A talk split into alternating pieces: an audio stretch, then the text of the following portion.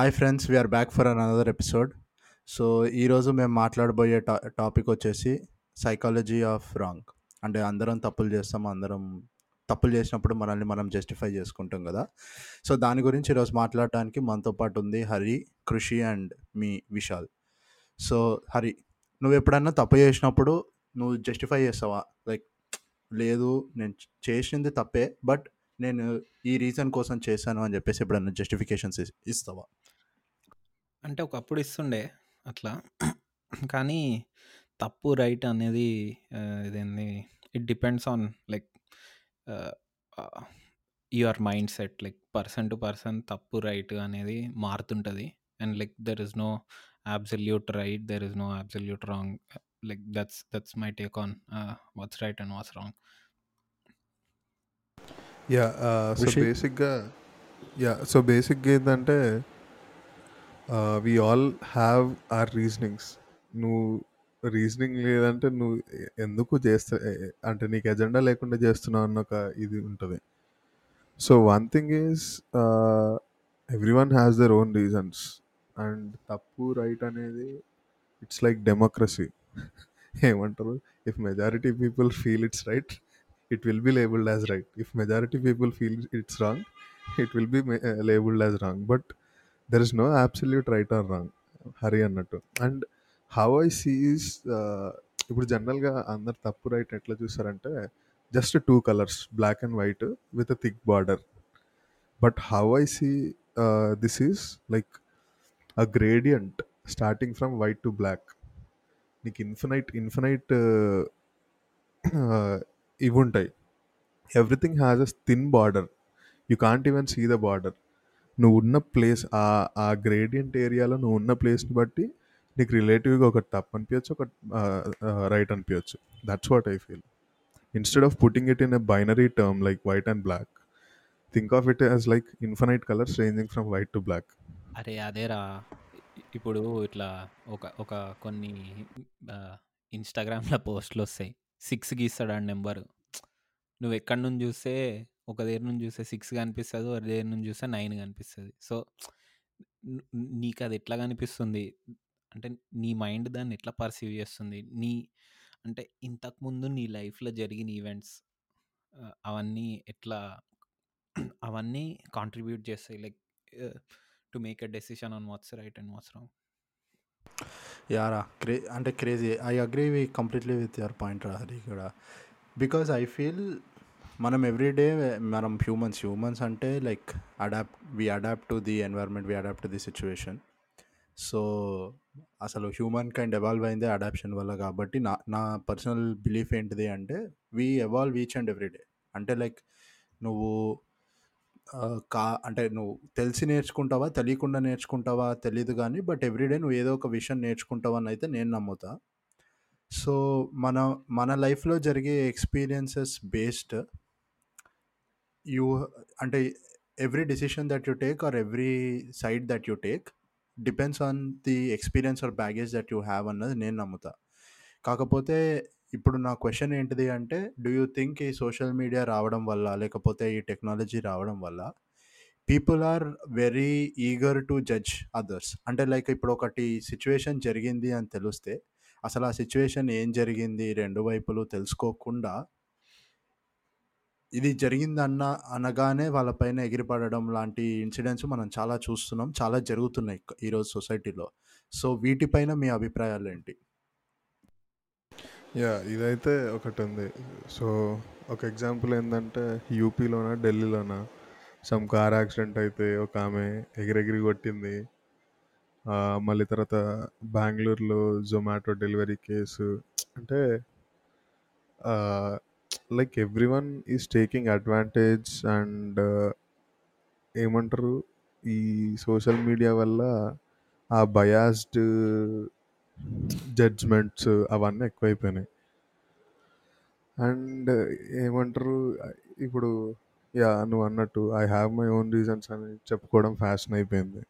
అంటే instead of thinking it giving it a thought అంటే how అంటే అసలు నేను ఎందుకు చేశా to how extend it is is it correct given the situations I am I have అలా ఆలోచించడం పక్కన పెట్టేసి లేదు ఓకే నే నాది నేను కరెక్ట్ ఉన్నా ఇదే కరెక్ట్ ఇదే అన్నట్టు like people are going in that way that makes me feel bad. ఎందుకంటే eventually this is gonna end up for the most of the people and we we just see fake fake propagandas and fake biased uh, judgments everywhere. True true true ఇంతకుముందు నువ్వు ఒక మాట అన్నావు like to what extent is it right and to what extent it is wrong అన్నట్టు. I feel like something some something which has happened is like either right or either wrong like there is no degree of right and wrong so it's it's binary I feel అంటే ఉంటే right ఉంటుంది లేకపోతే wrong ఉంటుంది. ఇప్పుడు ఒకడు వచ్చి ఒకడిని పొడుస్తాడు. నేను వన్ సెంటీమీటరే పొడిచిన అంటాడు. ఒకడు ఒకడు నేను చాకు మొత్తం దింపిన అంటాడు. వీడు పెద్ద తప్పు చేసిండు వీడు చిన్న తప్పు చేసిండు అని ఉండదు. సో ఇద్దరు పొడిచారు ఇద్దరిది తప్పే. Actually crazy perspectives. I mean like again so this is the I think మన ఎపిసోడ్ మీనింగే ఇది. That you know all of us have different perspectives and everybody is right in their own perspective so ఇప్పుడు for example నేను అడగాలనుకున్న question ఏంటిది అంటే ఇప్పుడు for if you take the trending topic Naga Chaitanya Samantha divorce అయింది divorce అయి two years అయింది and whatever the reasons might be they got split okay and వాళ్ళు clearly both the parties have told many multiple times that they have moved on and I think people also should move on but still you see a lot of people hanging on to that మెసేజ్లు చేయడం. దాని గురించి stories రాయడం కానీ message YouTube thumbnails కానీ లేకపోతే discussion కానీ in general discussion కానీ ట్విట్టర్లో కానీ లేకపోతే సోషల్ మీడియాలో ఎక్కడైనా సరే కదా. So what could be the reason for this over involvement in other people's life in the current society?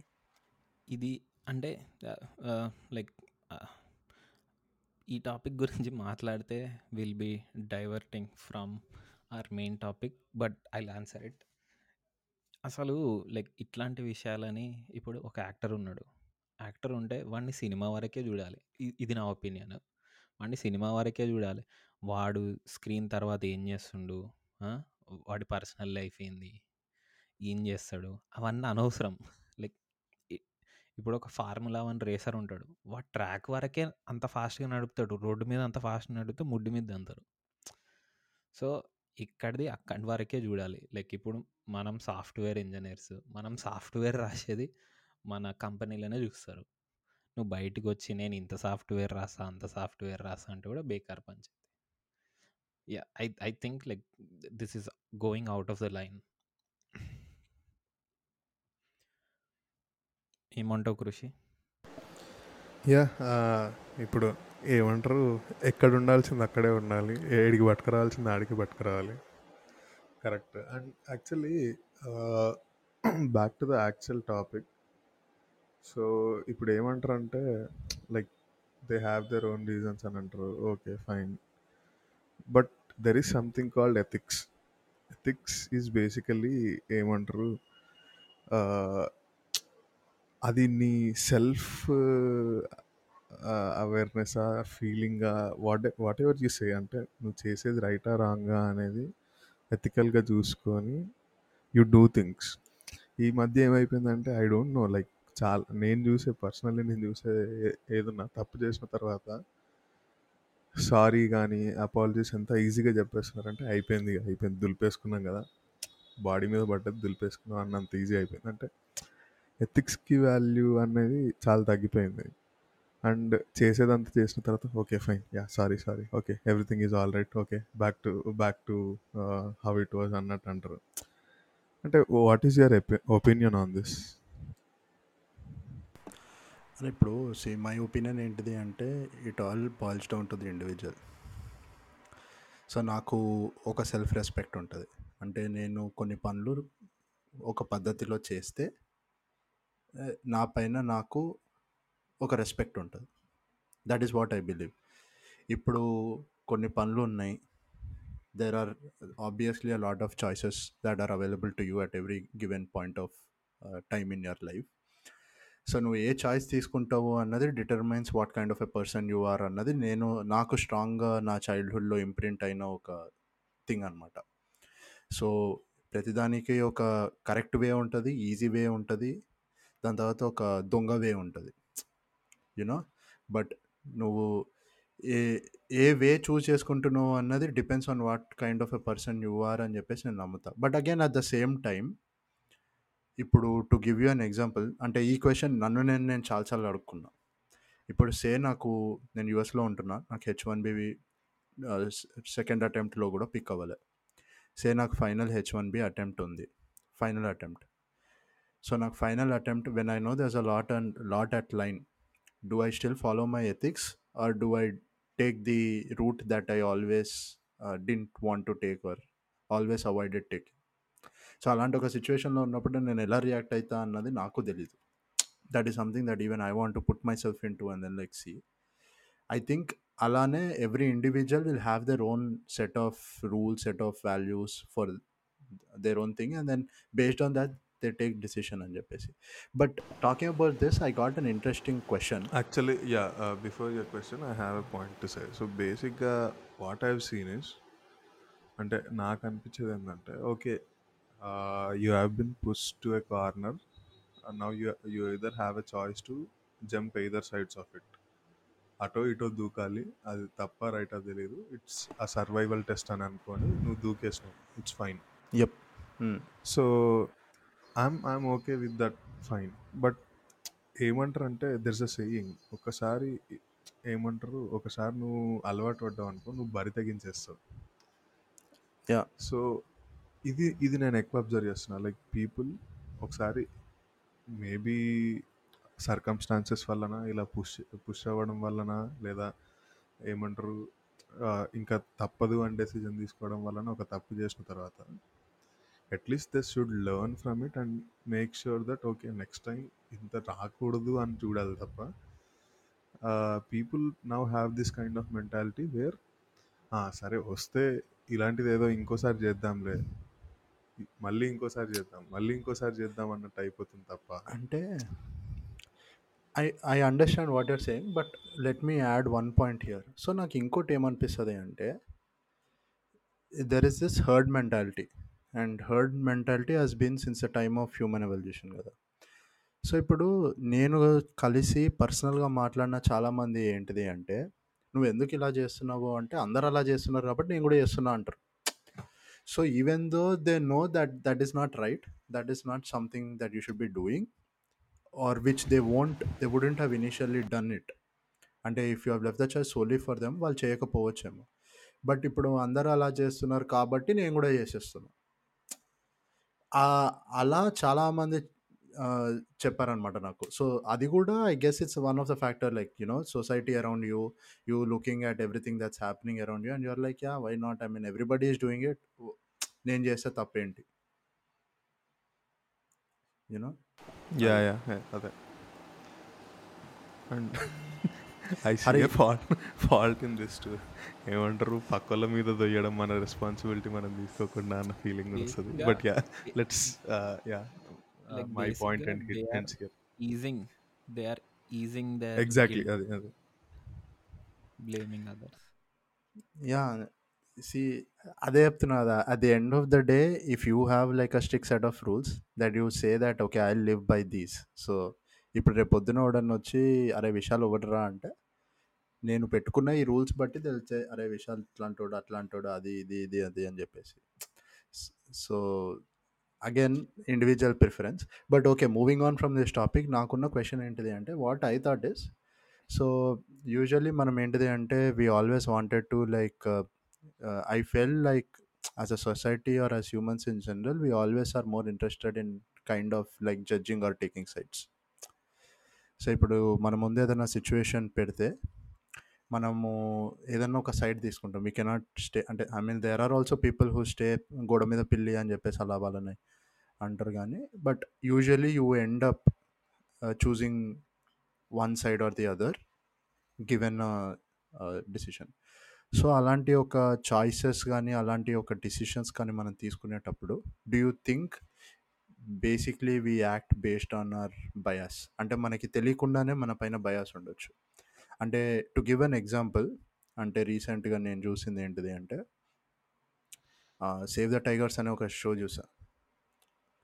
So there is a very good point on dignity of labour so one of the character ఏంటిది అంటే he he's a businessman but then basically he does milk business so his investment and everything is the buffaloes and all and then there is a software engineer basically like who does business on using his mind or like whatever uh, technology పైన he'll be doing the business so వీళ్ళిద్దరు పక్క పక్కన కూర్చొని ఇద్దరు office కాల్సే మాట్లాడుకుంటారు అంటే software వాడు he'll he'll be attending a meeting and this వల్ is also talking to one of his workers about the possible solutions and so ఆ సాఫ్ట్వేర్ ఇంజనీర్ ఎవరైతే ఉన్నాడో వాడు తిడతాడనమాట. ఏంది నా ఇంపార్టెంట్ నాది ఒక ఇంపార్టెంట్ మీటింగ్ నడుస్తున్నప్పుడు నువ్వు బర్రెలు ఆవులు అని చెప్పేసి అంత లౌడలో పంచాయతీ పెడతావు ఏంటిది? వాట్ ఈస్ హ్యాపెనింగ్ హియర్ అది ఇది అని చెప్పేసి అన్నప్పుడు ఆ రూమ్లో there'll be like some thirty to forty people okay thirty to forty people వాళ్ళు ఎక్స్ప్లిసిట్గా ఏం చెప్పకపోయినా all of them feel that the businessman అంటే లైక్ ఈ మిల్క్ బిజినెస్ చేసేవాడిదే వాడే కొంచెం చీప్గా బిహేవ్ చేస్తున్నాడు. కొంచెం తక్కువగా చేస్తున్నాడు అని చెప్పేసి అంటే లైక్ ఆ సిచ్యువేషన్లో నీకు ఆ వైబ్ వస్తుంది.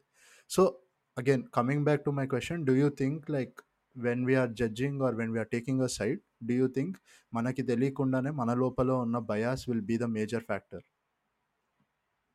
Definitely. Definitely. ఎందుకంటే అంటే ఇప్పుడు ఏమంటారు whatever we're is a function of our experiences and the given current situation so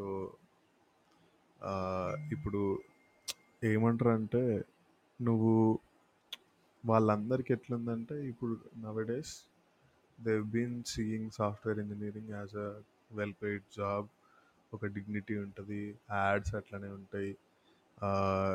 ఏమంటారు ఇంకా సినిమాలలో చూపించినట్టు ఒక అదేదో అంటే దే దెర్ ఈస్ సంథింగ్ అంటే ఒక స్టీరియో టైప్ అనేది బిల్డ్ అయిపోయింది.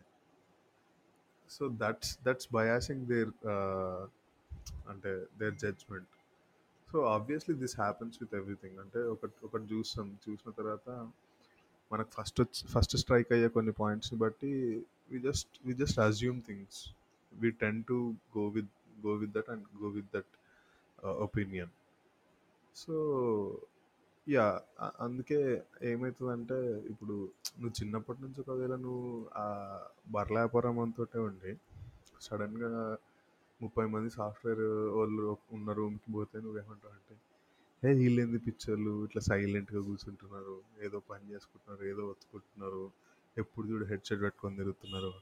సో దట్స్ ద బయాస్ అంటే అది ఇంకా ఎక్స్పీరియన్సెస్ ఆఫ్ దట్ పర్సన్ అంతే ఇక so yeah actually I don't know నువ్వు చెప్తుంటే నాకు గుర్తొస్తుంది. ఆర్జీవీది ఒక ఇంటర్వ్యూ ఉంటుంది with T I I think frankly with టీఎన్ఆర్లో so he'll say he'll narrate an episode where basically like he does a certain thing but he didn't know why he did that and he would in a usual circumstance never do that I think if um, anybody is interested, I think you guys should go ahead and you know, try to watch that uh, video. Okay అంటే ఇట్లా yeah so biases వచ్చింది కాబట్టి like నేను ఒక course చేస్తుండే మా కంపెనీలో ఎట్లా ఇంటర్వ్యూ చేయాలి అని. దాంట్లో ఒక మేజర్ టాపిక్ ఏంటి అంటే హౌ టు అవాయిడ్ బయాసెస్ అని ఉండే. So the like to avoid నాకు అది మస్తు లైక్ ఇంటర్వ్యూస్ అని కాదు like in my life to it plays a crucial role like I learn lot from it so దాంట్లో ఏంది అంటే ఒక క్యాండిడేట్ని ఎవాల్యుయేట్ చేసే ముందు you should have a framework on how to evaluate a candidate like ఒక ten points ten questions yes or no yes or no like దీంట్లో degree వాటన్నిటిని అక్యుములేట్ చేసి లాస్ట్కి సబ్మిట్ చేస్తే ఈ క్యాండిడేట్ ఫిట్టా కాదా? So like in your life every every person should have a framework to decide what's wrong and what's right. So ఇప్పుడు like someone should have their own philosophy అనమాట like ఇప్పుడు what is money? అంటే నీకు ఒక opinion ఉండాలి. ఈ framework what is like entertainment? What is a goal? What is life? అనేదానికి ప్రతి ఒక్క డెఫినేషన్ ఉండి you should cross check against your definitions if it is going against those definitions you should treat it as wrong so ఇప్పుడు పెద్ద పెద్ద thinkers ఉంటారు. వీళ్ళందరూ ఇవన్నీ టాపిక్స్ని ఒక స్టోరీలా చెప్తారు. ఇప్పుడు ఫ్రెడ్రిక్ నీషా ఉన్నాడు. ఇంకా మన ఆర్జీవి ఉన్నాడు. ఇంకా కొంతమంది ఇట్లాంటి పీపుల్ ఏం చేస్తారంటే వాళ్ళ డెఫినేషన్స్ అన్నిటినీ ఒక స్టోరీలా చెప్తాడు. అయన్ ర్యాండ్ ఉంది. సో ఈ స్టోరీలో అన్నీ తీసుకొని నీ లైఫ్లో పెట్టుకొని ఒక ఫ్రేమ్ వర్క్ లాగా బిల్డ్ చేసి రైట్ అండ్ రాంగ్ అనేది జడ్జ్ చేయాలని నా feeling.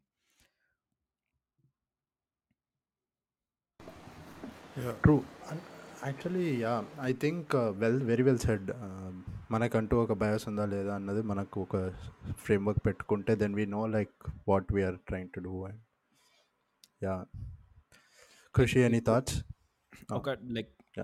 ఎగ్జాంపుల్తో ఇలిస్ట్రేట్ చేయాలంటే let's take Osama bin Laden and let's take let's say ఒక మంచి మనిషి.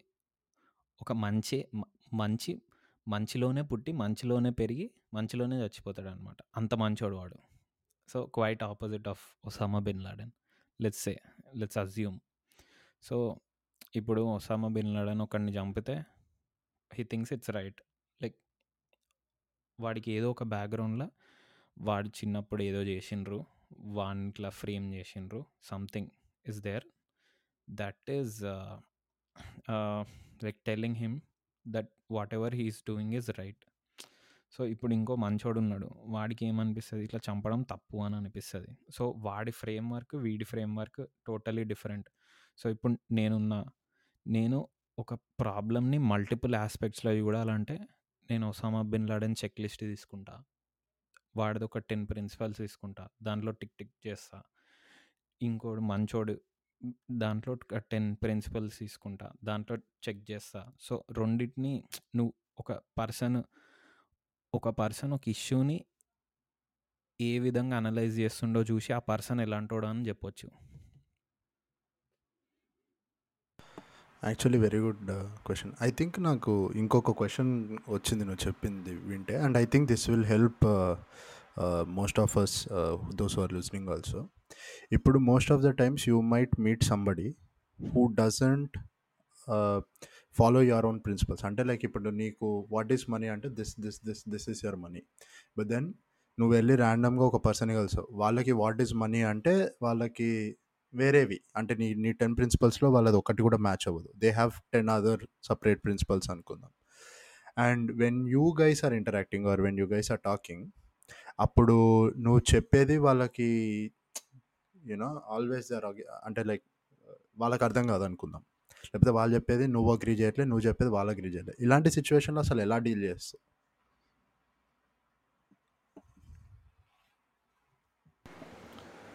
సో బేసిక్గా ఏమంటారు? ఈ డిఫరెన్సెస్ అన్నీ వచ్చాయి. నువ్వు అన్నట్టే ఐడియా ఐడియాలజీ మీద. So how do you handle అనేది చాలా ఏమంటారు? బ్రాడ్ క్వశ్చన్ ఇక్కడ. ఎందుకంటే ఇప్పుడు నువ్వు హ్యాండిల్ చేద్దాం అనుకున్న అవతలడు కూడా తీసుకోవడానికి రెడీ ఉండాలి. At the same time uh, ఎట్లుంటుందంటే సరే నీ ప్రిన్సిపల్స్ నీకుంటాయి వాడి ప్రిన్సిపల్స్ వాడుకుంటాయి. అప్పుడు ఏమవుతుందంటే నా నా ప్రిన్సిపల్సే గొప్ప నువ్వు నీ ప్రిన్సిపల్సే గొప్ప అని వాడు. సో ఇది ఏమంటారు this is always been there అంటే మన వరల్డ్లో ఇంత డైవర్సిఫికేషన్ వచ్చిందంటే one of the reason is this.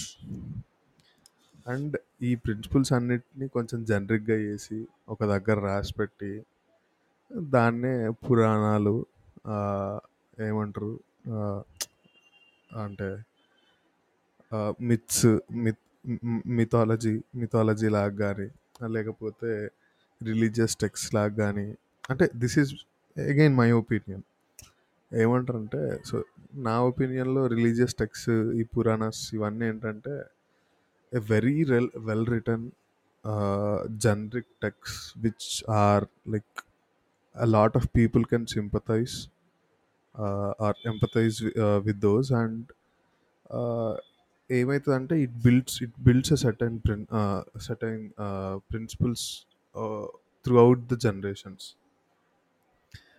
so అందుకనే అంటే లైక్ ఎవరికి కావాల్సిన ప్రిన్సిపల్స్ వాళ్ళకుంటే ఏ ఏదన్నా అంటే ఏమంటారు we're living in free world ఎవరిది ఎవడి ప్రిన్సిపల్స్ వాడి ఎవడి సిద్ధాంతాలు ఆడి ఎవడి డెసిజన్స్ ఆడి.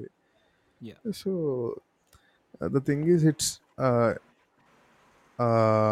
ఇక్కడ హ్యాండిల్ చేయడం అంటే ఇట్స్ అబౌట్ యూ ఇంకా హౌ యూ టేక్ ఇట్ నువ్వు దాని మీద రియాక్ట్ అయ్యి నువ్వు వాడికి ఒకలాగా చే- అంటే అంటే you never you should never expect something back from your reactions or what you do అంటే like the reason I ask this question ఏంటిది అంటే more like is there any experience at your face అంటే కొన్ని కొన్నిసార్లు ఇప్పుడు for example you face somebody who is completely opposing your view and you either dismiss them all of a sudden అరే నువ్వు చెప్పేది నేను నువ్వు అలానే అనుకో నేను ఇలానే అనుకో అని చెప్పేసి లైట్ తీసుకోవచ్చు అదొక ఆప్షన్ ఉంది. లేదా you sit with an open mind talk with an open mind and then like వాళ్ళ పర్స్పెక్టివ్ అర్థం చేసుకోవడానికి ట్రై చేసుకొని అరే ఓకే ఇలా కూడా ఉంటుందా? ఇలా కూడా జరుగుతుందా? కొత్త విషయం నేర్చుకొని you can ponder about it for some time yeah so so అలాగా మీకు ఏమన్నా ఎక్స్పీరియన్సెస్ జరిగి ఆ ఎక్స్పీరియన్సెస్లో మీరు నేర్చుకున్న విషయాలు ఏమైనా ఉన్నాయా అన్నది పాయింట్ ఆఫ్ క్వశ్చన్ ఓకే అయితే ఒకటే ఏం చెప్తా అంటే లైక్ ఎర్లియర్ అంటే maybe during the college days అంటే I use to stick very firmly with what I believe అంటే చాలా చిన్న చిన్న గొడవలు ఎట్లా అంటే ఇప్పుడు ఆ, టైంలో మేబీ మీ లైఫ్లో కూడా ఎప్పుడో ఒకసారి అయ్యి ఉండొచ్చు. ఎట్లాంటిది? Android versus iOS kind of things so see again those those reflect your principles or your ideologies so అలాంటివి అవుతాయి విండోస్ వర్సెస్ మ్యాక్ అవుతుంది application development versus system system engineering అని ఇట్లాంటి డిస్కషన్స్ బాగా అయ్యేటి I use to I use to ఇంకో generic example ఇవ్వాలి అంటే Pawan Kalyan versus Mahesh Babu so Chiranjeevi versus Balakrishna. Yeah ఇట్లాంటివి బొచ్చడు ఉంటాయి సో ఈ టైంలో ఈ టైంలో you meet a lot of people who completely oppose who completely అంటే కంప్లీట్గా డిఫరెంట్ పర్స్పెక్టివ్స్ ఉంటాయి ఒక్కోసారి Hmm. కలుస్తాయి.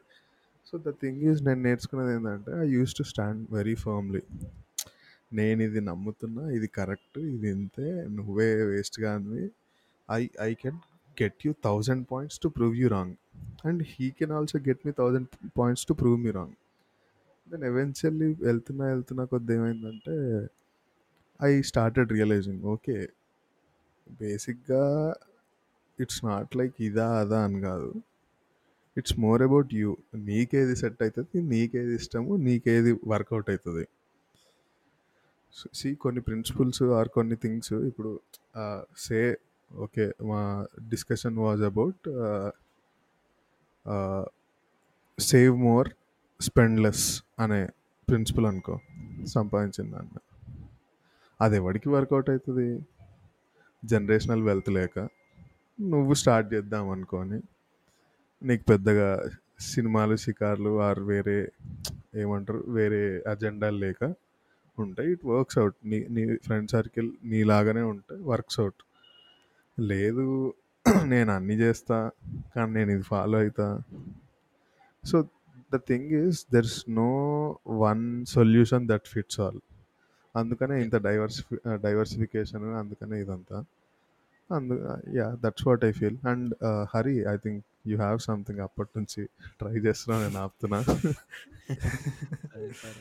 అంటే లైక్ సో ఒకడు ఒ- ఇప్పుడు ఒక ఇష్యూ గురించి డిస్కస్ చేసి కాన్ఫ్లిక్ట్ ఆఫ్ ఒపీనియన్ వచ్చినప్పుడు సో ఏం చేస్తాం అన్నది it totally depends on the person who is like handling the conflict. So ఇప్పుడు నేను ఒకటి చెప్పిన నీకు నచ్చలేదు బేసిక్గా. నీకు నచ్చకపోతే ఏమవుతుంది అన్న దాన్ని బట్టి నా థింకింగ్ మారుతుంది. నెక్స్ట్ నేను ఏం చేయాలనుకున్నది. సో ఇట్లాంటి విషయాలల్లో త్రీ త్రీ ఆప్షన్స్ ఉంటాయి. ఒకటేమో నీ ఒపీనియన్ వల్ల నాకు ఫరక పడలేదు అనుకో నేను లైట్ తీసుకొని వెళ్ళిపోతా. నీ ఒపీనియన్ వల్ల నాకు ఫరక్ పడ్డదనుకో so I do something to change it. So first నీకు వచ్చి ఎక్స్ప్లెయిన్ చేస్తా. అరే ఇట్లా కాదురా ఇదిరా. ఎందుకంటే I value your opinion I value your friendship. So నిన్ను మార్చడానికి ట్రై చేస్తా. నా వ్యూ బేసిక్గా అదే సిక్స్ నెంబర్ గీస్తే నేను నా సైడ్ నుంచి నీకు సిక్స్ని చూపించాలనుకుంటా నువ్వు నైన్ చూస్తున్నావురా అని చెప్పి. సో నేను ఏమంటా అంటే ఇంకో ఇప్పుడు నువ్వు అయినా ఒప్పుకోవు. నువ్వు అయినా అసలు ఒప్పుకోనే ఒప్పుకోవు. అరే నాకు నైనే కనిపిస్తుందిరా అని అంటావు. So third option extremist. Hitler లాగా. హిట్లర్ గడు ఏం చెప్తాడంటే నీకు ఏదైనా నచ్చలేదనుకో అందరు నేను కాన్ఫ్లిక్ట్ చేస్తుండ్రు అనుకో నీ ఒపీనియన్ని నువ్వు నువ్వు అదే దారిలో నువ్వు బేసిక్గా అది అది ఎప్పుడు వస్తుందంటే సిచ్యువేషను. నువ్వు ఒక పోలీస్ ఆఫీసర్ ఉంటావు పది మంది దొంగలు ఉంటారు మీ ఊర్లో లెవెన్ మెంబర్సే ఉంటారు. సో నువ్వు దొంగలతో మాట్లాడితే అవును ఇది కరెక్టే కరెక్టే అని అంటారు. దొంగతనం చేయడమే కరెక్ట్ అంటారు. పోలీసోడు ఏమంటాడు అరే కాదురా నేను అర్థం చేసుకోండిరా అంటే సో ఈ పోలీసోడు వాడు ఏమవుతాడంటే వీళ్ళందరికంటే పెద్ద దొంగ అవుతాడు మొత్తం అంతా దోసుకుంటాడు. దోసుకొని అరే ఇప్పటి నుంచి ఈ దొంగతనాలు ఇవన్నీ ఏమి నడవవురా మంచిగా ఉండండిరా అని చెప్తాడు. సో అప్పుడు వర్కౌట్ అవుతుంది సో హిట్లర్ ఏమంటాడంటే నీకు ఏదైనా నచ్చలేదనుకో అదే దారిలో పో. మొత్తం పైకి వెళ్ళు టాప్కి వెళ్ళు టాప్కి వెళ్ళి అప్పుడు మార్చు. అప్పుడు గొర్రెలంతా తింటారు. అని చెప్తాడు. So that's my take. Yeah true. అది కంప్లీట్లీ కూడా ట్రూ. సో అంటే like maybe this is a bit overboard but I'll just go and go head and ask. So ఇప్పుడు నేను కొన్ని కొన్నిసార్లు ఎలా అబ్జర్వ్ చేస్తా అంటే ఇప్పుడు కొంతమంది కొన్ని నమ్ముతారా ఓకే. అండ్ సే అవే విషయాలు నువ్వు నమ్మట్లేదు అనుకుందాం. చిన్న చూపు చూస్తారు. కాండిసెండింగ్గా మాట్లాడతారు. అంటే నువ్వు వాళ్ళని అగ్రి చేయట్లే కాబట్టి వాళ్ళు నిన్ను డిస్మిస్ చేసి అదేదో అలా చేయడానికి ట్రై చేస్తారు. I'm sure like everybody must have ఏదో ఒక సిచ్యువేషన్లో must have experience this. So ఇలాంటి సిచ్యువేషన్స్ వచ్చినప్పుడు like what you guys do? Or like what we should do? అలా. నేనైతే పోరా పూక అనుకుని సైడ్కి వెళ్ళిపోతా సో బేసిక్గా ఏమంటారు ఈ situation I I made someone face and I face this. Yeah.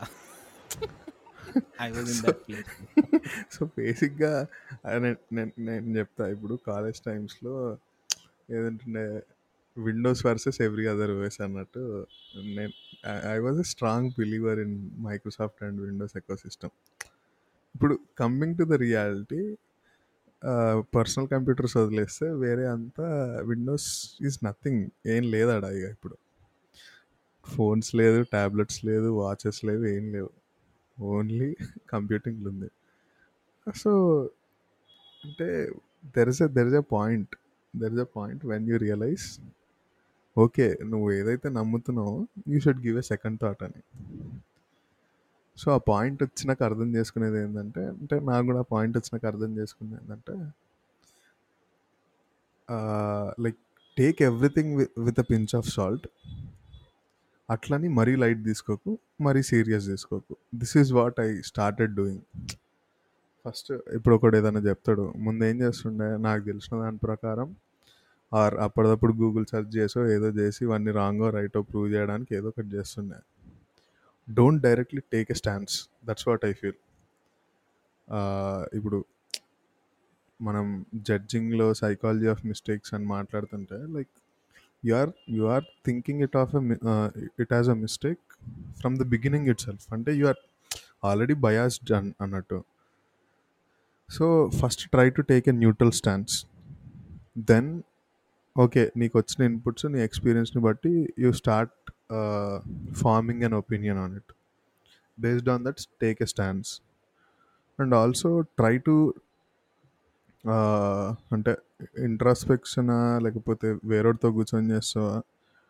Try to అంటే go on for the principle and by the principle అంటే సో ఫార్ సార్ లైక్ బేసిక్గా ఏం చేస్తావు అంటే నువ్వు అది ఏదైతే ఉందో దానికి సపోర్టింగ్గా ఆలోచించు దానికి నెగటివ్గా ఆలోచించు. Then you at least build build thought process and build some opinions on it that will give you అంటే ఇది బేసిక్గా I learn it the hard way ఏమంటారు? యా నేను అంటే ఐ ఐ వాస్ కన్సిడర్డ్ ఆవిడికి ఏం తెలియదు వీడు వేస్ట్ కాడు అని అన్నట్టు అనుకుంటే. నేను కొంతమందిని అనుకున్నా. ఏ ఎవరిగాళ్ళకి ఏం తెలియదు సో వీళ్ళతో మాట్లాడి వేస్ట్ అని కూడా అనుకుంటున్నా correct. I mean I just want go with the flow I don't know if we're digressing from the topic but ఇప్పుడు కొన్ని కొన్నిసార్లు నాకు ఏమనిపిస్తుంది అంటే even though I introspect a lot about myself or what my beliefs are sometimes I also feel like I get influenced by others అంటే ఇప్పుడు సే నేను ఇప్పుడు మీ మీతోటి ఒక పది రోజులు తిరిగిన దాని తర్వాత మీరు చేసేవి ఏదైనా నాకు కొంచెం నచ్చింది అనుకో నేను ఇన్ఫ్లుయెన్స్ అయిపోతా ఈజీగా but again when I later look back at it and later judge or later introspect maybe this is not for me అని చెప్పేసి అనిపించే కొన్ని సిచ్యువేషన్స్ ఎగ్జాంపుల్స్ కూడా ఉండే. సో మీరు కూడా ఇలాంటిది ఏదైనా ఫేస్ చేశారా? లేకపోతే ఇప్పుడు for example how do we know that whether whether that is what we want out of experience or or we getting simply influenced or brain washed అంటే లైక్ ఇండియాలో ఇట్ ఇస్ వెరీ కామన్ కదా. చిన్నగా చి- మనం పెరుగుతున్నప్పుడు we are not given a chance or choice to explore and then experience and then take a decision base based on our experience Yeah. చిన్నప్పటికి వెళ్ళి అరే ఇది ఇంతే ఇది ఇలానే ఇది అలానే. Yeah. అండ్ అలా. So so Yeah. Yeah I get your question like as I already said like it depends on like నువ్వు ఇప్పుడు ఇన్ఫ్లుయెన్స్ అవుతున్నావా? లేదా ఒక సిచ్యువేషన్ వల్ల అని తెలియడానికి like the same thing you should have a framework if you just go through the framework and if you feel like you have a different conflicting view with your framework then you are obviously getting influenced. So that's that's an easy thing. So అందుకనే like not to digress from your framework. Like uh, ఒక ఒక ఒక ఒకటి ఉంటుంది ఒక question ఒక question ఒక question Hari sorry to cut you off అసలు ఈ ఫ్రేమ్వర్క్ ఎలా డెవలప్ చేసుకుంటావు? బేసిక్ క్వశ్చన్ సో ఇప్పుడు నాకంటూ ఒక ఫ్రేమ్వర్క్ ఎలా? సో. అంటే బేసిక్గా బుక్స్ చదవడమా? లేకపోతే నా ఎగ్జాంపుల్ ఇప్పుడు నువ్వు తీసుకుంటే ఇట్ వాజ్ లైక్ ఏమంటారు? అదొక సిచ్యువేషన్ ఇదొక సిచ్యువేషన్ అట్లా ఇట్లా అట్లా ఇట్లా అని ఎవెన్చువల్లీ ఐ ఫౌండ్ అవుట్ నువ్వు it can be books it can be anything so నా ఒపీనియన్ ఏంటంటే everyone has their own way so నీ ప్రిన్సిపల్స్ కూడా నీ ఎక్స్పీరియన్సెస్ ఆ ప్రిన్సిపల్. ప్రిన్సిపల్స్ కూడా బయాస్ అయి ఉండొచ్చు ఇన్ఫ్లుయెన్స్డ్ అయి ఉండొచ్చు. యా సో యా ఈ ఫ్రేమ్వర్క్ డెవలప్. చేసుకోవాలని లైక్ సో బేసిక్గా ఒకటి ఉంటుంది వేరేడు చేసిన తప్పుల నుంచి మనం నేర్చుకుంటే ఫాస్ట్ మూవ్ అవుతాం సో ఏంటంటే ఇప్పుడు థింకర్స్ అని అంటారు కదా ఈ నెక్స్ట్ క్వశ్చన్ అదే సో వీళ్ళు ఆల్రెడీ మస్తు థింక్ చేసిండ్రు వీటి కోసమే what is life like framework అంటే బేసిక్గా what is life what is money what is wrong what is right like the bigger questions so ఇవన్నిటికీ నీ దగ్గర ఒక డెఫినేషన్ ఉందనుకో లైక్ ఇప్పుడు ఒక సింపుల్ ఎగ్జాంపుల్ చెప్పాలంటే ఆర్జీవీ సిరీస్లో అన్నిటి మీద ఒక ఎపిసోడ్ ఉంటుంది. ఆ సిరీస్ మొత్తం చూస్తే you can form your own framework true true.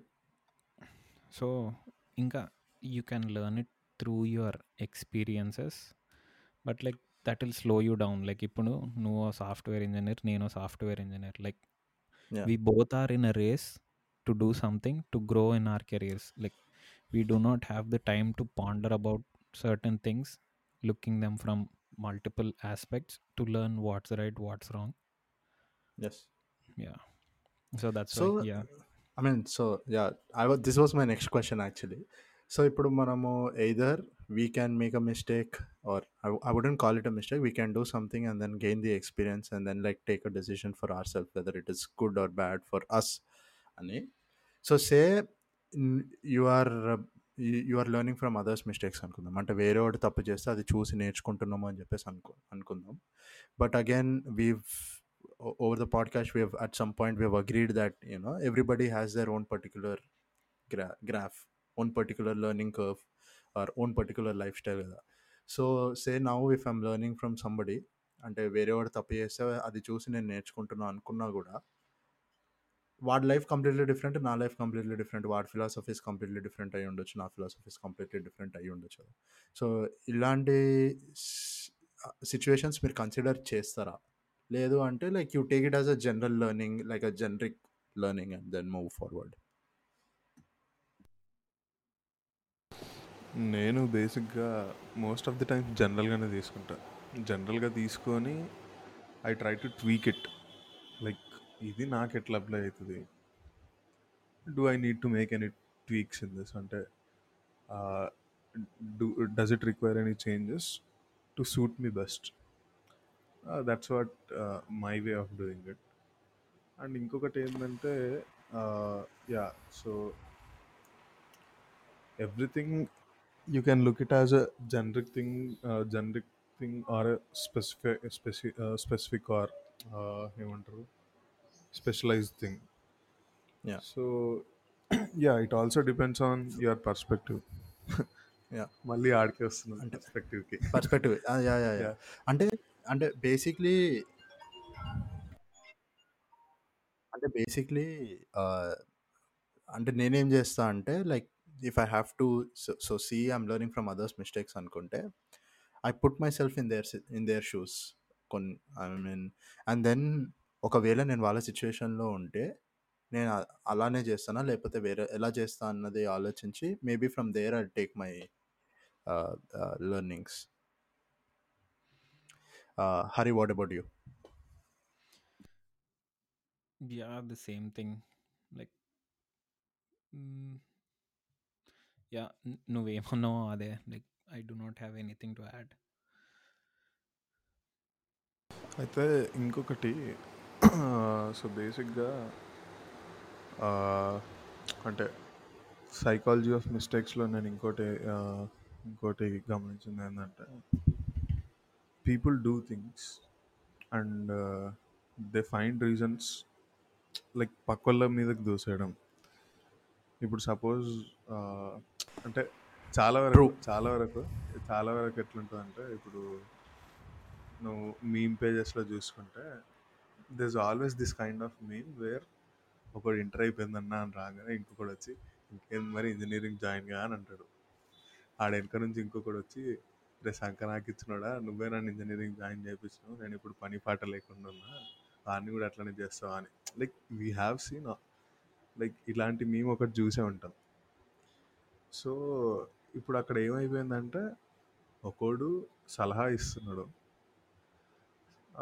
ఇప్పుడు ఇంజనీరింగ్ తీసుకున్న ప్రతి ఒక్కడు సంకనాకపోలేదు అట్లాంటి ప్రతి ఒక్కడు జెఫ్ బెసెస్లు సత్యనాదెల్లలు మన సుందరం బాబాయిలు ఇట్లా కాలేదు. సో ఇప్పుడు అక్కడ నాకు అనిపించేది ఏంటంటే వాన్ ఇన్ఎఫిషియన్సీని వీడి మీదకి దోస్తున్నాడు. నువ్వు సజెస్ట్ చేయడం వల్లనే నా జీవితం నాశనం అయిందని. సో ఇలాంటి. వాళ్ళ మీద ఇలాంటి వాళ్ళ మీద వాళ్ళ మీద మీ టేక్ ఏంది? సో ఇప్పుడు ఇంకో ఎగ్జాంపుల్ చెప్తా. ఇప్పుడు సపోజ్ ఏమంటారంటే అరే నన్ను ఇటు వెళ్ళాలనుకుంటున్నా ఎట్లా వెళ్ళాలి? అది ఇది అని అడుగుతాడు. సరే ఇంకా నువ్వు ఏమంటారు డ్రైవింగ్ ఇదంతా కాదు డైరెక్ట్ పబ్లిక్ ట్రాన్స్పోర్ట్లో వెళ్ళు అని సజెస్ట్ చేస్తాడు.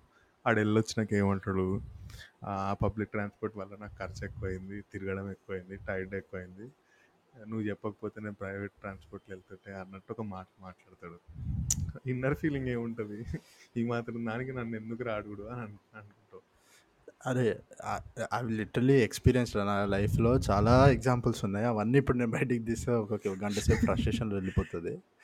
Point yeah. అంటే జనాలు వీళ్ళ మీద నీ ఒపీనియన్ ఏంది? అంటే నా ఒపీనియన్ చెప్పన్నా నేను ఒక నిమిషం. నేను చెప్తా. ఆ, నేను నేను ఎండ్ చేసినాక నువ్వు కంటిన్యూ చేసి. Okay okay okay okay. నా నా ఒపీనియన్ ఏంటంటే these are like very irresponsible people వాళ్ళ వాళ్ళ యాక్షన్స్కి వాళ్ళు రెస్పాన్సిబిలిటీ తీసుకోలేక పక్కల మీద చూస్తారు ఇలాంటి వాళ్ళు అంటే see again I have a framework on this నా ఫ్రేమ్ వర్క్లో వీళ్ళంత వేస్ట్ గానే లేరు. Yeah so that's that's my opinion yeah continue అరే ఇప్పుడు నేను చెప్తారా? అంటే లైక్ నాకు చాలా tremendous amount of learning and growth జరిగింది ఈ పీరియడ్లో ఈ ఈ- మనం మాట్లాడుకున్న స్పెసిఫిక్ టాపిక్లో అట్లీస్ట్ నేను ఫైనల్లీ రియలైజ్ అయింది ఏంటిది అంటే నాకు అసలు ఎవరిపైన ఎటువంటి ఒపీనియన్ పెట్టుకోవాలని లేదు. జీరో అంటే లైక్ నేను చెప్పబోయే పాయింట్ ఏంటిది అంటే even if you have a negative feeling towards something you're still you still have some feeling towards it అంటే నీకు అది ఇష్టం లేకపోయినా కూడా నీకు ఇంక ఏదో ఫీలింగ్ ఉంది దానికి.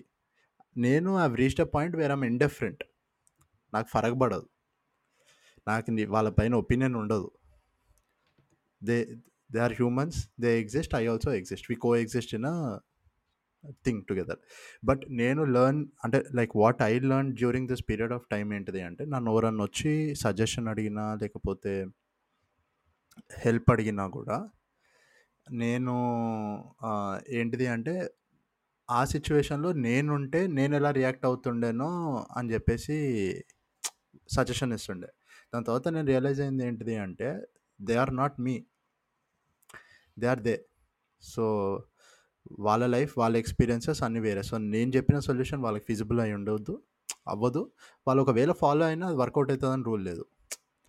సో ఆ అండర్స్టాండింగ్ నాకు ఎప్పుడైతే వచ్చిందో ఐ బికేమ్ కంప్లీట్లీ ఇండిఫరెంట్ ఎవరైనా నన్ను అడిగితే I start with the phrase saying that మీ సిచ్యువేషన్లో నేను ఉంటే నేను ఇలా చేస్తా.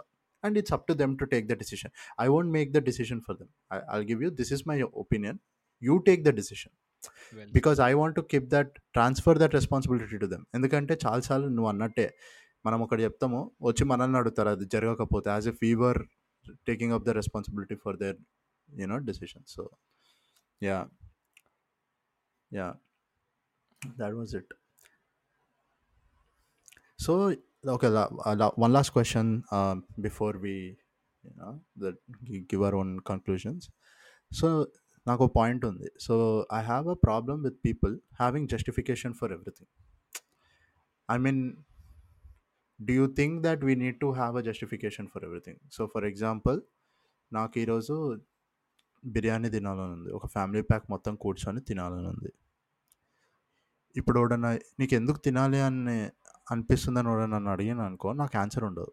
తెలియదు తినాలని ఉంది so but I seen lot of people where they cannot be okay with it. So they need to have like a reason for everything that they doing. They need to have like a justification for everything that they're doing which they know that is in the best way or right way moving forward దీనిపైన మీ opinion ఏంటి? So బేసిక్గా అంటే I I use to have such feeling at some point of time but eventually నేను realise అయింది ఏంటంటే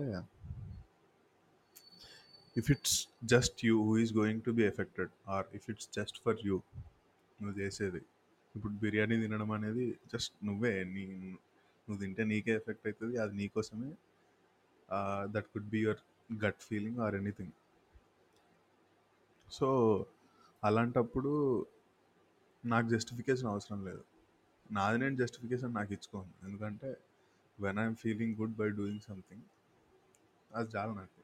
that's my justification itself ఇప్పుడు నేను చేసే పని వల్ల ఎవడు వేరే ఇంకెవడికన్నా ఎఫెక్ట్ అవుతుంది లేదు. అంటే సపోజ్ ఇవాళ గాలికి స్పీడ్గా కార్లు వెళ్ళాలని ఉంది ఎందుకు వెళ్తున్నావు యూ ఫెల్ట్ హ్యాపీ. వెళ్తే ఓకేనా కాదా? Is it safe or not? Given the time అప్పుడు ఆలోచించి జస్టిఫికేషన్ ఇచ్చుకో. Okay it make sense. ఎందుకంటే your decision might affect someone else on the road or anywhere. అంటే that's. Okay. That's a point. But if you are doing something for your self and అందులో justification ఎత్తుకోవడం అంటే నువ్వు నువ్వు చేస్తున్నావు అంటే you are getting some document from it. అదే justification. Yeah yeah no అంటే లైక్ నేను ఈ క్వశ్చన్ అడగడానికి రీజన్ ఏంటిది అంటే I use to be like that so ఇప్పుడు ఎవరైనా నన్ను తప్పుగా అర్థం చేసుకున్నారు లేకపోతే నేను చేసిన పని వాళ్ళకి తప్పుగా అర్థమైంది అన్న ఫీలింగ్ నాకు వస్తే I use to go and justify my self to them so that they would understand me better or they would uh misunderstanding అనేది ఒకటి క్లియర్ అయిపోతుంది అన్న ఒక ఇంటెన్షన్ ఉద్దేశం ఉండేది. సో ఒక పాయింట్ తర్వాత ఏంటిది అంటే లైక్ బేసిక్లీ ఒక పాయింట్ తర్వాత what I've realised is people always have this preconceived notion. అంటే వాళ్ళు ఆల్రెడీ ఒకటి ఫిక్స్ అయిపోయినారు. వాళ్ళు ఒకటి ఫిక్స్ అయిపోయిన తర్వాత నువ్వు వెళ్ళి ఎంత చెప్పినా ఎంత జస్టిఫికేషన్ ఇచ్చుకున్నా ఏం చేసినా I don't think it will have any resemble any effect అంటే పెద్ద ఫరక్ పడదు బేసిక్లీ సో ఒక పాయింట్ తర్వాత when I understood that like నేను ఏం చెప్పినా ఏం చే ఎంత చెప్పినా ఫరక్ పడుతుంది లేదు అని చెప్పేసి నాకు అర్థమైనప్పుడు అసలు జస్టిఫికేషన్ ఎందుకు ఇవ్వాలి నేను ఎవరికైనా అని ఒక థాట్ వచ్చింది నాకు. Why should I even justify my self ఇప్పుడు ఒక మిస్అండర్స్టాండింగ్ జరిగింది అంటే నాదెంత తప్పు ఉందో అవతల పార్టీది కూడా అంతే తప్పు ఉంటుంది అని చెప్పేసి నేను నమ్ముతా. Because there is a lack of communication that is why misunderstandings happen కదా. సో ఆ ఒక్క పాయింట్ ఆ ఒక్క థాట్ నా మైండ్లోకి వచ్చిన తర్వాత I stop justifying for everything that I'm doing and then like my life has become peaceful so Hari like do you have any experiences in this situation or like in on this topic yeah అంటే yeah whatever you said make sense like explanation like explanation ఎప్పుడు ఇస్తామంటే ఒకరిని satisfy చేయాలని ఇస్తాం. Like this is my perspective. ఇప్పుడు నేను ఒక ఒకటి చేస్తే వాడు వచ్చి ఎందుకు ఇట్లా చేసినవరా అని అడిగితే వాడి వాల్యూని బట్టి నేను ఎక్స్ప్లెనేషన్ ఇస్తా. వాడు ఒకవేళ same thing as I said earlier. So నేను పట్టించుకోను. లైక్ వాడు వాడి ఒపీనియన్ వల్ల నాకేమైనా డ్యామేజ్ అవుతుంది అంటే నేను పట్టించుకుంటా. లేకపోతే పట్టించుకోను. So that's my take. ఇప్పుడు నేను ఎంత మంచి ఉన్నైనా వాడొచ్చి వాడుకున్న ఒపీనియన్ వల్ల నాకేమైనా హామ్ జరుగుతుంది అంటే I might change. Well put well put actually I mean like ఇంకో question so basically I feel like every human has good bad ugly. అందరిలోనూ అంటే ఎవడు మంచోడు కాదు. అట్ ద సేమ్ టైం ఎవడు చెడ్డోడు కాదు. అందరిలోనూ గుడ్ బ్యాడ్ అగ్లీ ఉంటుంది. డిఫరెంట్ కాంపనెంట్స్లో ఉంటుంది. And based on that components you basically judge them. If you know ten percent good about somebody and ninety percent bad about somebody I think you might judge them as a bad person. But the thing is might not be. Case. So కొంతమంది ఏంటిది అంటే they are in a constant denial and they put up a facade that they are always good so అలాంటి వాళ్ళని చూసినప్పుడు నాకు ఏమనిపిస్తుంది అంటే వాళ్ళ దగ్గరికి వెళ్ళి చెప్పబుద్ధి అవుతుంది see nobody can be good all the time. Okay? మనం అందరం మనుషులం we're grey we're. Born grey. You know not Yeah. Good or bad. So నువ్వు if you're constantly putting up this facade and like constantly trying to be good all the time you're pretending to be someone else who you're not and you're not accepting your own self. Yeah. that shows lack of self respect and uh, self empathy so i try to tell them but then like నేను ఎంత చెప్పినా కూడా ఎవరు మారట్లే. నే- నేను అట్లాంటి ఇలాంటి- వాళ్ళతో అసలు మాట్లాడా? నువ్వు వద్దురా పోయినాక అసలు వద్దే వద్దు నువ్వు అవసరమే లేదు. అరే అట్లాంటి పిచ్చోనికి ఎక్స్ప్లెయిన్ చేస్తే నీ టైం వేస్ట్ రా? ట్రూ ట్రూ ట్రూ కొంతమంది ఉంటారు, ఎట్లా అంటే, అరే నేను చేసేది కరెక్ట్ రా? నేను నేను చేసేది రైట్ నువ్వు ఏమన్నా అనుకో నేను చేసేది రైట్ అరే నువ్వు సావురా ఎట్లా వాడు? This is my opinion so బేసిక్గా యా లైక్ పర్ఫెక్ట్ అది. అంటే వెన్ ఒక ఒక పాయింట్ ఆఫ్ టైం తర్వాత you should leave people as they are Yeah. వదిలేయాలి ఇంకా అంతే. ఇప్పుడు వాడిని మారుస్తా ఉద్ధరిస్తా అంటే నీకు వచ్చేది ఏం లేదు. ఆడు మారడు ఆడికి ఏం రాదు. ట్రూ వాడు వాడు వాడిని బతకనియాలి మనం మన బతకనియాలి ఎప్పుడు ఎప్పుడు ఇంటర్ఫియర్ కావాలి? వాడు చేసే తీట పని వాడు చేసే పని మనతోటి కొల్ కొలైడ్ అవుతుంది అనుకున్నప్పుడే మనం యాక్షన్ తీసుకోవాలి. యా అంటే లైక్ ఏమో రా ఇప్పుడు కొన్నిసార్లు నాకు ఏమనిపిస్తుంది అంటే ఇఫ్ సంబడి ఇప్పుడు ఇప్పుడు మనకు జరిగిన డిస్కషన్లో I mean like two years back if if if I'm listening this podcast from two years back I would have learn lot a big deal అంటే like two years back I was a very different person to what I'm right now కదా. Yeah. So అలా నాకేమనిపిస్తుంది అంటే ఇప్పుడు నాకు చెప్పేటోడు అనుకో నాకు ఎవడన్నా వచ్చి ఏదైనా చెప్పిండు అనుకో నేను ఇమ్మీడియట్గా అది డిస్మిస్ చేయ చేయడం కంటే ఫస్ట్ ఒకసారి వింటా. విని వాడు ఏం చెప్తుండు ఎందుకు చెప్తుండు.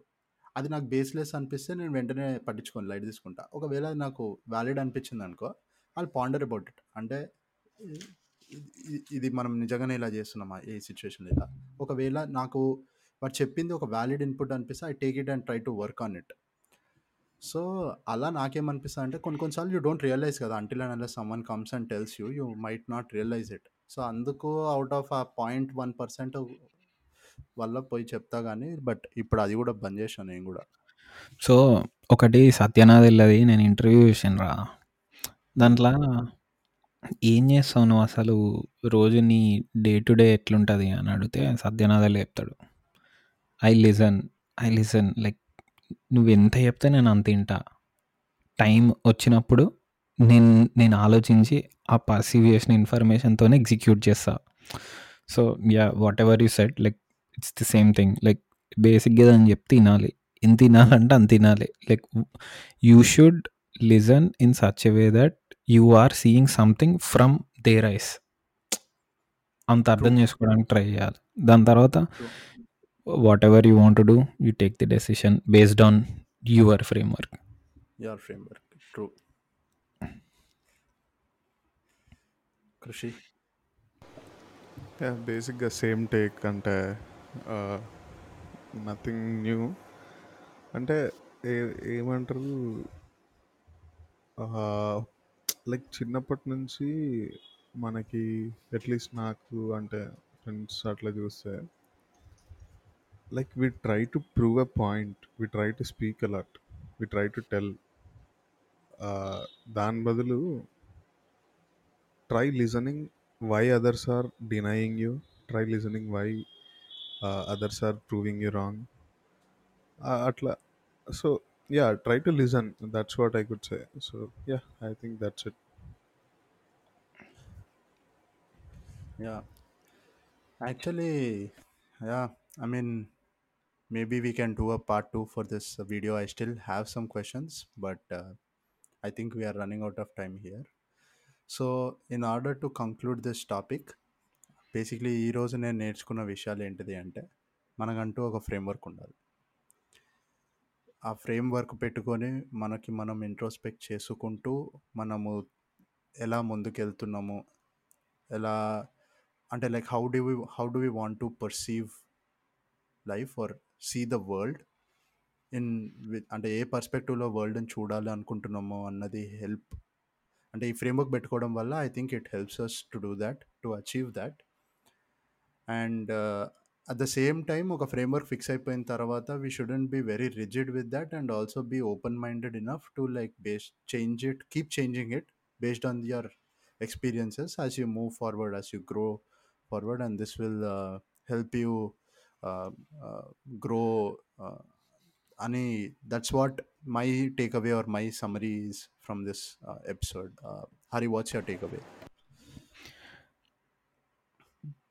yeah బేసిక్గా ఇంకొకటి ఏంటంటే నేను యాడ్ చేయాలనుకున్న ఏంటంటే to what you said like ఒకరు ఏదో అనుకుంటారని చెప్పి uh, లైక్ మనం ఏది వాళ్ళ వల్ల ఇన్ఫ్లుయెన్స్ అయ్యి చేయొద్దు. Like you should only do something if that fits in our framework like this is what I want to emphasize because like people easily get influenced yeah so బేసిక్గా అంటే to put some to put more on to what you said you both said so building framework is an iterative process it's not like a single shot ఇవాళ కూర్చొని చేసేసినాం we stick to this ఇదే ఇంకా అన్నట్టు కాదు. So it's like you you you try to stick to a framework అది నీకు work అవుతుంది వర్కౌట్ కాదు. You learn that experience so you reinforce that experience and you try to modify the framework so ఇదంతా నువ్వు trial and ఎర్రర్తో చేసుకుంటే ఆడు హ- ఆ, హరి చెప్పినట్టు గడిచిపోతుంది. నీ టైం ఉన్న టైం గడిచిపోతుంది. సో ఏమంటారు? You you it's better to learn from others experience అని అందుకే అంటే what Hari said so there's a reason why we have like so many ఏమంటారు? Biographies so many books or so many idealism character character so బేసిక్గా రాముడు అంటే ఇట్లుంటాడు కృష్ణుడు అంటే ఇట్లుంటాడు. అది ఎందుకు సో ఈ Ramudu or Krishnudu is nothing but a person who who is who is giving you a ideal framework that worked For a lot So- of people. yeah. for a lot of people yeah so అందుకే you it's better to learn from other experiences read uh, see listen Uh, it's like Okay. iterative process go on working on it working on it then you then you'll end up probably you you you might uh, pass down that framework to the coming generations so Nice. yeah cool. అదే. Okay. So one last question before we end this episode. Your top three influential people. Influenced you uh, under like నీ current framework కానీ నీ mind సెట్ని కానీ influence చేసిన వ్యక్తులు నాకైతే Elon Musk ఇంకా ఆర్జీవి. ఇంకా ఇంకా బిజినెస్ మ్యాన్లా హీరో క్యారెక్టర్ యాక్చువల్లీ నాకు same I think Puri Jagannadh RGV and I would say my grandfather but yeah Krishi yeah so బేసిక్గా నాకు మోస్ట్లీ ఫ్యామిలీ నుండి and like at at every point of time I met some mentor or teacher I even wrote a blog post about this so everyone like there, was always someone and I, I can't put it in a top three but there's always someone at every phase of life who made me learn things and uh, unlearn things unlearn things is very important here so I think we'll discuss that for next episode, part other two. other, yeah okay yeah so that's all Cool. I think uh, this is an awesome episode, guys. Um, uh, like we, I learned a great deal out of this uh, podcast episode, and I hope our viewers also. Uh, in case if you guys like this, please like, share, and subscribe, and stay tuned for part two of this episode. Thank you. Bye. Yep. Bye. Bye.